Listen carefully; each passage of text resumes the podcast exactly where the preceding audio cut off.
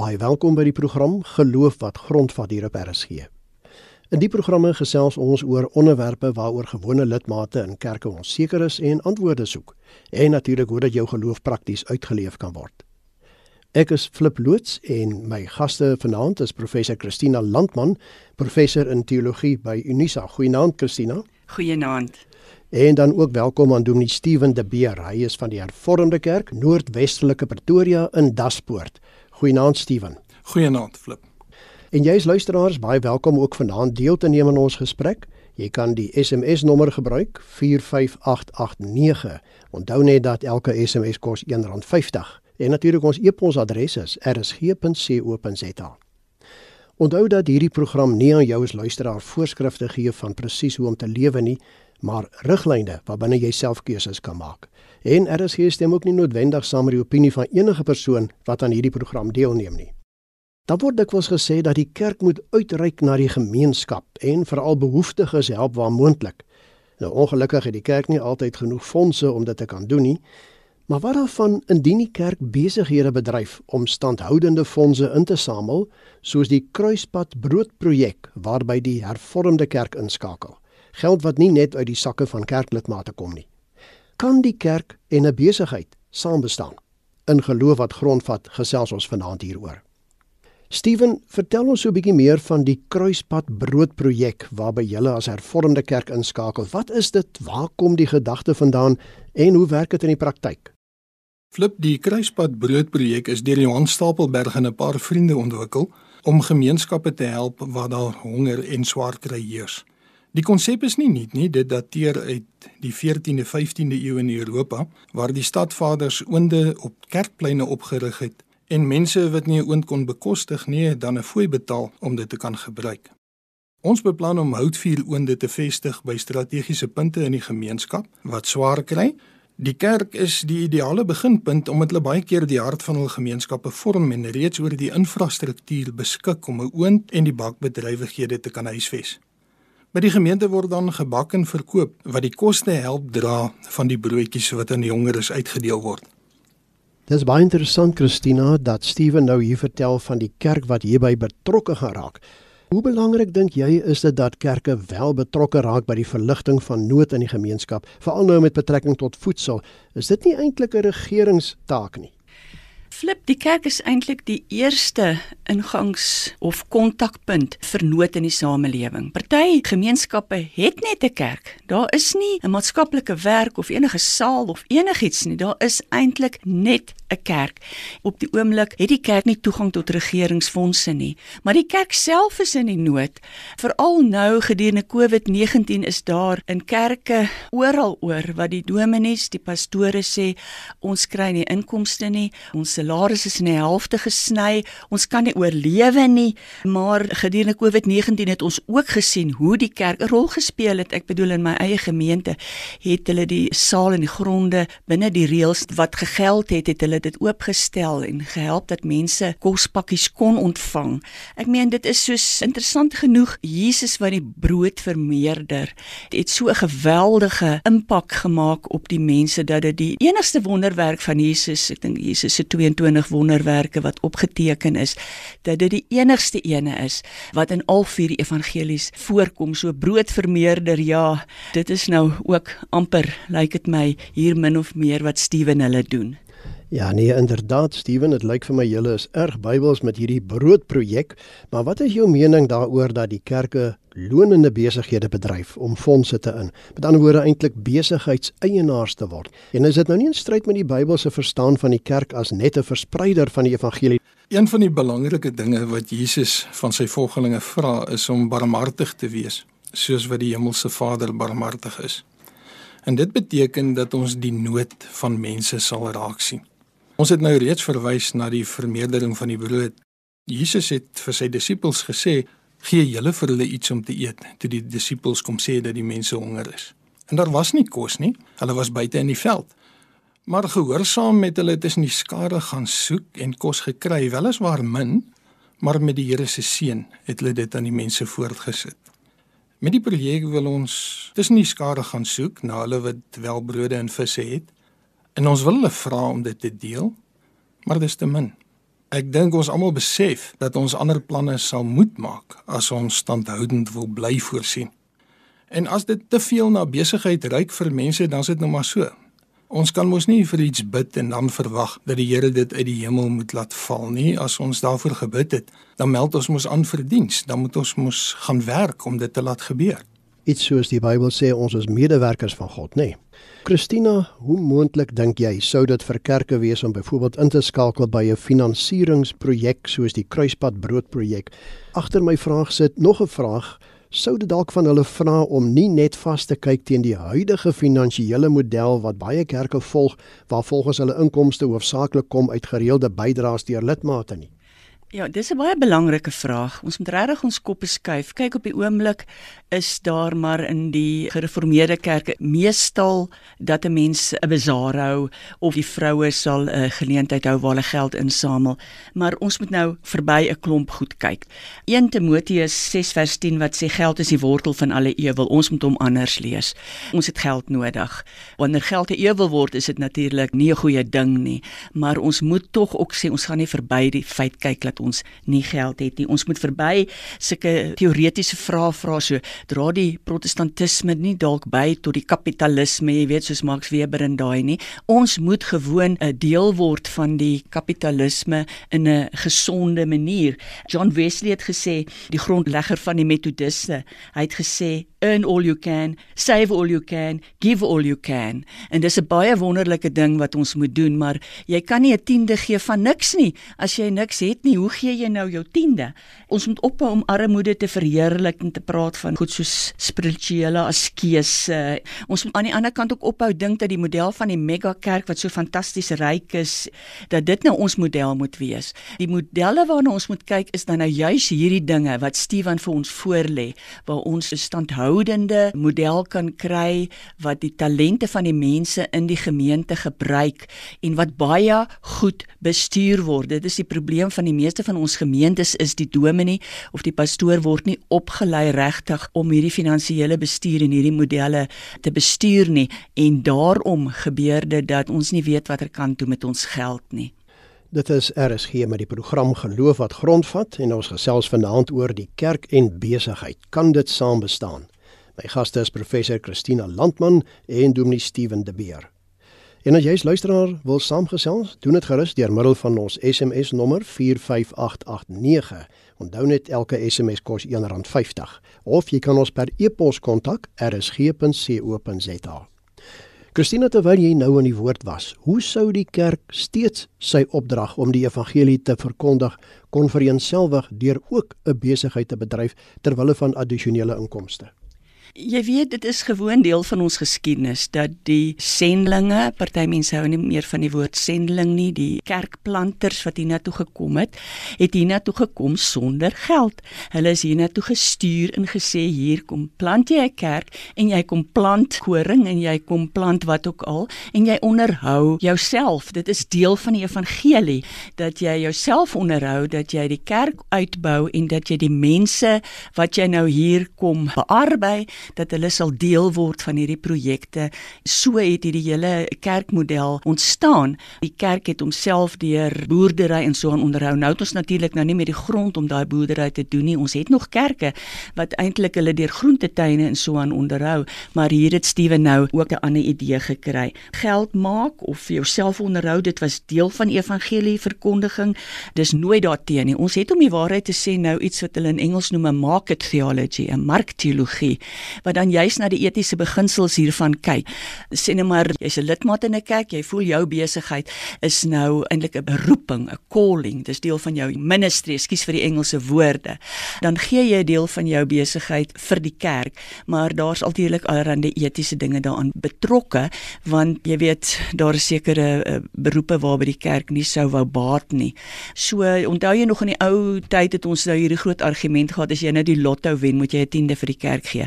Ek dink dit is amper min of meer dieselfde, maar die idee is met 'n market theology is dat jy jou talente as 'n besigheidspersoon tot beskikking van die kerk stel. Ek dink dit is deel van die probleem Steven wat Christina hier tereg genoem het. dat die dominees nie altyd opgelei is, jy weet, om hierdie finansiële bestuur te hanteer nie. In julle situasie, hoe maklik of moeilik is dit vir julle om die bedryf veral finansiëel nou rakende die kruispad broodprojekte administreer? Stel julle kundiges aan of beheer die kerkraad alles? Die kerkraad moet juis nie alles beheer nie as ons wil hê dit moet standhoudend wees. Want vrywilligers raak op 'n stadium moeg en kerkfondse raak op 'n stadium uitgeput. Saam met Edutex doen ons aansoek by die Food and Bev SETA om opleiding te verskaf en vaardighede te skep vir die wat by die oonde gaan werk. En afhangende van die grootte van die projek voorsien ons dat 2 tot selfs 5 mense aangestel sal word. En in samewerking met My Product word virtuele winkel geskep en 'n bestuurstelsel ontwikkel wat die bestellings monitor en die projek help bestuur. En dit is ook die plan om van die behoeftiges by die projek te betrek om hulle te laat deel word van dit wat daar gebeur en dat hulle op hierdie manier ook dit wat hulle ontvang, uh, ietsie daarvoor kan terugdoen. Christina, ek weet daar's baie luisteraars wat nou sit en luister en seker wonder, kom ons kom terug na die Bybel en vra hoe Bybels aanvaarbaar is dit vir die kerk om besighede te bedryf met die doel om wins daaruit te maak of dan nou by 'n besigheid in te skakel of aan te sluit met die doel om 'n wins te maak. Flip, daar's nou 'n verskil in die Bybel in elk geval en dis natuurlik as mens praat oor die Bybel dan praat jy ook oor 'n groot verskeidenheid van dokumente. Maar daar's 'n verskil tussen wins maak op iets wat jy verkoop of iets wat jy gemaak het en om rente te trek op geld wat geleen word. Nou, dis interessant dat om rente te trek op geld wat jy uitgeleen het omdat dit gewoonlik aan arme mense uitgedeel word. Dit in die Bybel is nie toelaatbaar nie. Vandag klink dit vir ons amper ondenkbaar dat jy geld sal belê sonder om rente te trek. Maar in die Bybel, jy weet daardie een gelykenis wat Jesus vertel van die slegte baas wat sy mense uitstuur met 10 geldstukke en gaan sê hoor jy gaan maak nog 10 met ander woorde hy vra 100% wins op die geld wat hy vir die arm persoon uitleen. En dan die een met die een talent wat sê ek gaan nie uit die armes geld maak nie. Ek gaan liewers my talent begrawe.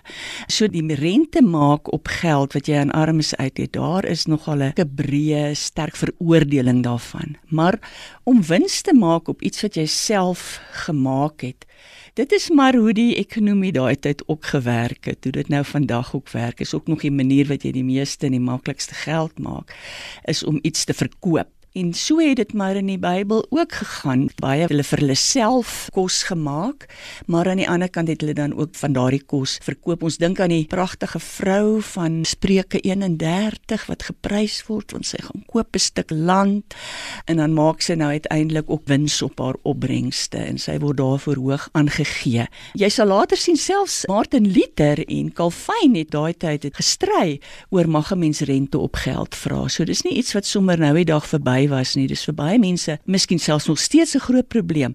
Kan jy rente op geld vra, maar om wins te maak op die arbeid van jou hande, dit is heeltemal Bybels, sal ek nou maar so sê. So byvoorbeeld in 'n bazaar en so aan kan jy nou maar karretjies en goedertjies verkoop, kos wat mense maak, nê? Nee.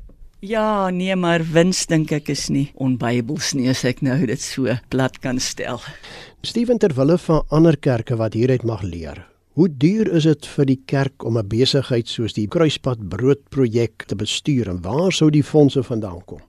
Flip die oprigtingskoste en die meel word gesubsidieer, maar dit kos steeds 'n bedragie geld om aan die gang te kom. Afhangende van wat die gemeente reeds besit, sal hulle met so tussen 20 en 30 000 rand kan wegkom. En dit sal dan die oprigting van die oond, die oondspane, die graaf, die vrag, eerste hout, die mengbakke, die staaltafel, skaal, skinkborde en alles wat 'n mens nodig het om brood te bak insluit en ook die eerste besending meel en die verpakkingsmateriaal. So hierdie aanvanklike koste is 'n uitdaging, maar ons het reeds goeie reaksie ontvang van gemeentes en sakemanne. By die Hervormde Kerk word die projek deur 'n Plesion MPO geadministreer wat beteken dat artikel 18A belastingsertifikate ook vir skenkings uitgereik kan word en daarna sorg die projek vir homself. Dit is RSG met die program Geloof wat grondvat en ons gesels vanaand oor die kerk en besigheid. Kan dit saam bestaan? My gaste wat so lekker saam praat is professor Christina Landman en Dominee Steven De Beer. Christina, hoe groot is die gevaar dat wanneer die kerke besighede bedryf, die kerk later self 'n besigheid kan word in plaas van om te hou by sy kernbesigheid van 'n gemeenskap van gelowiges te wees. Flip al wat ek daarop kan sê is dat ek dan maar na 1 Timoteus 6 vers 10 sal teruggaan waar dit sê dat geld die wortel van die kwaad kan wees. Ek sal sien dat daar in 'n gemeente baie goeie simbiose is tussen wat het ons nodig, waarom het ons dit nodig en waarvoor gaan ons dit gebruik en hoe gaan ons dit in die hande kry. Wanneer dit dan kom, ek weet eendag het een vrou vir my gesê ek is nou daai tyd was dit nou nog die vroue vereniging Sy sê ek sit op die vroue vereniging en alwaaroor ons praat is geld, jy weet, hoe gaan ons nou geld inbring? Hoe gaan ons nou geld inbring? En toe sê die tannie wat 'n sekretaresse is by die werk, toe staan sy op en sy sê in die hele kerk, sy sê ons kan nie net leef om geld te maak nie. Hier moet baie belangriker dinge in wees. En daarom sal ek sê dat as ons so 'n bedryf instel soos wat Steven hier vir ons aanbied, dat ons sal sê maar hoe integreer ons dit met ons geestelike waardes? Hoe integreer ons dit met ons visioen, ons missie vir die kerk? Hoe kan ons sê maar dit gaan mense bymekaar bring? Dit gaan mense laat voel hulle is in beheer van hulle lot. Dit sal vir hulle voel, maar hier kan ons bymekaar kom. Hier kan ons uh, geleentheid skep om nie net met mekaar en die Here te praat nie, maar ook verder uitgaan met die brood idee wat natuurlik 'n stapel voedsel is. Ek moet jou sê egter in gemeentes waar ek was, vleis 'n baie belangrike ding. Mense sou nie net van brood kon lewe nie. En ek sou nou eintlik net miskien as daar 'n tydjie is gou wil vra. Mense is trots, jy weet om nou te gaan staan in 'n ry vir 'n broodjie. Ek het nou reeds met COVID-19 gesien. Dit is ontsaglik moeilik vir mense. Mense wat regtig nie kos het nie, sal eerder honger bly of iemand anders stuur om nie in daai tou te gaan staan nie. Hoe kan mens so 'n projek hê waar mense tog voel dat hulle is menswaardig en hulle word menswaardig daar betrek by so 'n projek? Flip as ek mag antwoord, dis 'n baie belangrike vraag want dit gaan juis om die menswaardigheid 'n bietjie aan te spreek en mense meer menswaardig te laat voel. Op hierdie stadium by van die plekke waar die voedsel uitgedeel word, word sommer polistireen koppies gevat en die sop word daarin bedien. Die gedagte met hierdie broodjie, dis 'n baie hoë gehalte broodjie, dis amper soos 'n ciabatta en dis 'n 300 gram broodjie wat die hoeveelheid is wat ons behoort in te kry per dag as ons wil oorleef. So is 'n redelike groot enetjie en dan word hy bo oop gesny en die sop word binne in hom gegooi. So jy het nie nodig om gebruik te maak van papierborde en dis meer nie. En sulke materiaal nie jy ontvang die broodjie net so en en en jy kan vir hom gaan eet.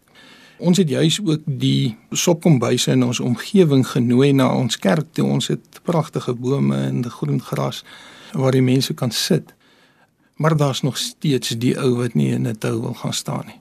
As ons van sulke nood bewus word, dan het ons soos 'n klompie gemeentes ook maar 'n projek waar ons die kos by hulle gaan aflaai. En 'n gedeelte van hierdie broodjies word dan by mense afgelaai ook. En natuurlik kan jy die broodjie ook vul met iets soos hoenderlewertjies of of wat ook al wat dit 'n baie lekker maaltyd maak. Kan ek net vra wanneer jy nou die broodjie aflewer of uitgee, gaan dit met 'n geestelike boodskap gepaard of hou jy dit twee apart? Met ander woorde, jy sal nie dit nou gebruik as 'n geleentheid om sê maar iemand oor te haal. Hoe doen julle dit?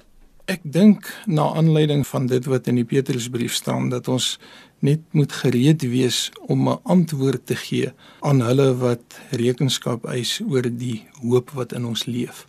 En dis dit. So daar is mense beskikbaar. Maar dit word nie op mense afgedwing nie. Inteendeel, dan verwilder jy net die mense en dit is mos nou nie wat 'n mens wil hê nie. Maar as daar die vraag is, verseker sorg ons dat daar mense beskikbaar is. Steven, daar word soms gesê dat jy nie net 'n vis vir iemand moet gee as hy nou honger is nie, maar hom of haar moet leer om self die vis te vang. So is jou hulp dan standhoudend vir daardie ene, maar hoe moontlik is dit om hierdie beginsel by die kruispad broodprojek toe te pas?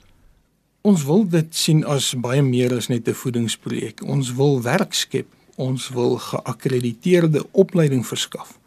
Ons wil probeer om te help om gemeenskappe te bemagtig. En ons wil hulle die geleentheid gee om ook hulle eie produkte soos koeksusters, handgemaakte speelgoed, klere of al dienste as haarkappers of werktuigkundiges of wat ook al op die My Product platform te plaas en dan dit op hierdie manier te verkoop. En ons droom is dat mense dalk soos vroeër weer rondom die oonde sal begin kuier en dat dit ook 'n geleentheid sal wees vir hulle om hulle produkte te verkoop. So ons wil baie meer doen as om net te voed. En natuurlik gaan ons daai probeer wins maak want die wins skep weer vir ons die vermoë om vir hulle te gee wat nie het nie. Nou ja, die tydjie het vir ons begin inhaal, kollegas, ons moet saamvat. Ek wil net so vra Steven, jy sê nou die hele tyd ons ons ons, wie's die julle?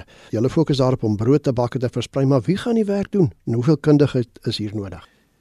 Kruispad broodprojek wil geakkrediteerde kundigheid skep en geleenthede skep waar die barmhartigheid standhoudend gedoen kan word. Ons sal gebruik maak van vrywilligers, maar uiteindelik wil ons ook mense oplei. En as hulle klaar met ons projek was of miskien verder wil aanbeweeg, dan het hulle 'n kwalifikasie wat hulle in staat stel om by 'n pizzeria te gaan werk of by 'n bakkery sodat hulle ook 'n bietjie vorentoe in die lewe kan gaan. So die gedagte is nie net om dit by onsself te hou nie. Christina vat vir ons saam. Kerk en besigheid, kan dit saam bestaan? Flip ja, ek dink kerk en besigheid en geselligheid kan saam bestaan. Ek dink nou daaraan die vrou daar in een van Jesus se gelykenisse wat haar een penning verloor, een van die 10 en wanneer sy dit nou kry, dan roep sy almal saam, al haar vriendinne saam daar en dan sit hulle nou daar en hulle vier fees en van die vrou in die suurdeeg en al daai gelykenisse van Jesus het eintlik gegaan oor geestelike oorlewing, fisiese oorlewing en om saam te wees en bly te wees dat die Here vir jou sorg. Nou ja, dit dan al in vanaand se geloof wat grondvat. Baie dankie dat jy as luisteraar saamgekuier het. En baie groot dankie aan my twee gaste, professor Christina Landman en Dominee Steven De Beer. En Christina, Steven, indien van ons luisteraars verder met julle wil kommunikeer, hoe kan hulle dit doen? Christina? Ek sal graag 'n SMS skryf by 082 377 2574. 082 377 2574. En Steven? kontak my op e-pos by laatjouligskyn@gmail.com of gaan kuier op ons Facebookblad die Crossroads Bread Project. laatjouligskyn@gmail.com of op ons Facebookblad die Crossroads Bread Project. En my kontakinligting is flip@mediafocus.co.za. Baie dankie vir die saamkuier weer eens en tot volgende keer. Alles van die mooiste. Totsiens.